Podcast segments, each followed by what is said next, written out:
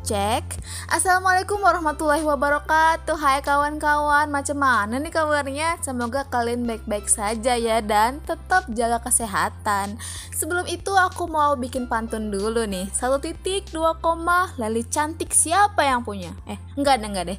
Satu titik dua koma. Kambing cantik untuk kurban ya. Selamat Hari Raya Idul Adha 1441 Hijriah kawan-kawan. Aku mewakili tim fiksi hukum Mengucapkan selamat Hari Raya Idul Adha buat semua dan mohon maaf apabila selama kami berpodcast ada salah-salah kata dan semoga kalian tidak bosan yang menonton podcast fiksi hukum. Sebelum itu, siapa nih yang berkorban pada tahun ini atau masih mengorbankan perasaan? Oke deh, untuk uh, episode kali ini aku akan siaran sendiri dulu nih karena Rika sedang sakit dan semua kita doakan ya Rika lekas sembuh dan diangkat segala penyakitnya untuk episode ini biasanya kita akan menampilkan segmen script suite nih. Tetapi karena hari ini adalah hari raya, hari yang spesial ya kan? Maka aku akan nampilkan segmen lain nih. Tapi karena dari kemarin-kemarin tuh bingung nih mau diisi apa sih segmen ini bahkan sampai sekarang pun aku masih bingung loh sampai detik ini pun. Enggak ah. Jadi akhirnya diputuskan untuk kita membuat fun fact uh, berita menarik nih dari tradisi perayaan Idul Adha di beberapa negara nggak cuma Indonesia ya. Kayaknya agak out the box dari fiksi hukum cuma nggak apa-apa ya kan. Kita sambil merayakan hari raya bersama-sama Oke, kita langsung aja masuk ke fun fact-nya ya. Aku kutip ini dari kumparan.com. Hari Raya Idul Adha diperingati setiap tanggal 10 Julhijjah dalam penanggalan Islam atau tepat 70 hari setelah perayaan Hari Raya Idul Fitri yang jatuh pada satu Syawal. Yang khas dari perayaan Idul Adha adalah penyembelihan hewan kurban untuk memperingati perintah Allah Subhanahu wa taala kepada Nabi Ibrahim yang menyembelih domba sebagai pengganti putranya Ismail. Lalu masyarakat Indonesia biasanya merayakan Hari Raya Idul Adha itu dengan beribadah sholat bersama di masjid terdekat dan kemudian menyembelih kurban nih. Setelahnya daging kurban itu akan dibagi-bagikan dan dimasak untuk di di dinikmati bersama seluruh anggota keluarga loh.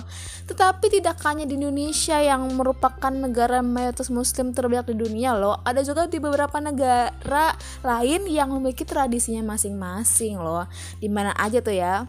Itu pertama ada di Maroko. Hari Raya Idul Adha dianggap sebagai sebuah festival yang suci di Maroko. Warga Maroko biasanya menyembelih domba sebagai hewan kurban dan kemudian diolah untuk membuat masakan tradisional khas negara di Afrika bagian utara ini loh.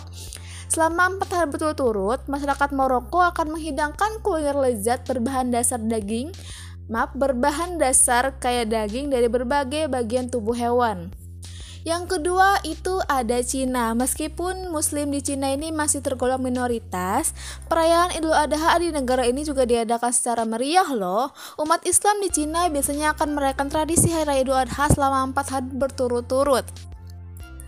Muslim di Cina akan meliburkan diri dan mengisi harinya dengan berbagai acara keagamaan seperti melakukan tadarus, membaca Al-Quran, bersolawat, mem saling memberi bingkisan satu sama lain, dan bersilaturahmi dalam sebuah pesta kecil-kecilan untuk merayakan Idul Adha. Lalu pada hari Idul Adha, muslim lokal di Cina berbondong-bondong untuk mendatangi masjid terdekat yang biasanya memiliki arsitektur khas yang kental dengan budaya dan atau etnis Cina loh. Lalu negara ketiga adalah Inggris. Idul Adha juga dirayakan oleh umat Inggris loh. Komunitas Islam di beberapa negara biasanya menggelar pasar malam sebagai salah satu bentuk perayaan Idul Adha dan dikunjungi oleh warga muslim di kota itu. Pada hari pertama tentu saja umat Islam di Inggris menjalankan sholat id serta ada pula yang kemudian menyembelih hewan kurban. Selain itu, masjid-masjid juga diadakan studi atau kuliah singkat yang membahas tentang Islam, terutama budaya dan sejarah.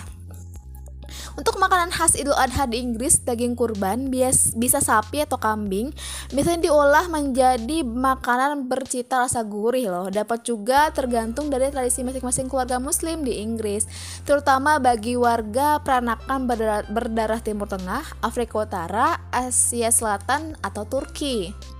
Setidaknya ada 4,8% dari total populasi penduduk Inggris adalah warga muslim dan Islam sendiri adalah agama terbesar kedua di Inggris. Lalu yang keempat adalah Turki nih. Turki menjadi salah satu negara yang memiliki tradisi Idul Adha yang paling unik loh. Sebelum Hari Raya Idul Adha, hewan kurban seperti kambing atau sapi akan dihias dengan henna dan pita sehingga terlihat cantik kayak aku. Oke. okay. Kambing dong. Oke, untuk proses untuk prosesinya sendiri itu tidak jauh berbeda dengan dengan Indonesia. Masyarakat Turki akan melakukan sholat Id bersama di masjid dan kemudian menyembelih hewan kurban bersama-sama, lalu memasaknya dengan keluarga mereka. Hidangan tersebut kemudian akan dinikmati bersama dengan borek atau roti khas Turki dan kurban bayrami, sajian dari daun anggur yang diberi isian. Setelah menyantap sajian khas Idul Adha, anak-anak akan mendatangi anggota keluarga yang lebih tua, orang tua atau tetangga untuk bersalaman dan mencium tangan mereka sebagai tanda penghormatan. Lalu yang kelima dan terakhir yang akan diberikan adalah dari India nih. Umat Islam di India memang diperbolehkan menyembelih sapi saat Idul Adha. Namun, untuk menghargai warga Hindu yang sebagian menganggap sapi, lembu, atau korban sebagai hewan suci, para ulama Islam dan kelompok-kelompok Muslim di India menyarankan agar menyembelih jenis binatang kurban lain semisal kambing. Itu untuk mencap untuk menjaga perdamaian antara umat Islam dan umat Hindu pastinya. Salah satu hidangan khas Idul Adha di India adalah nali nirahi yang berbahan daging dan dimasak cukup lama dengan berbagai macam jenis rempah-rempah.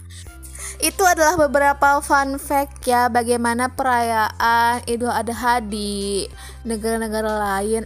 Tapi apakah di tengah-tengah pandemi seperti ini tradisi-tradisi itu akan tetap terlaksana? Kita kita, kita tidak tahu ya.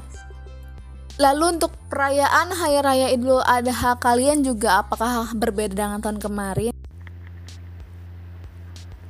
Di balik podcast.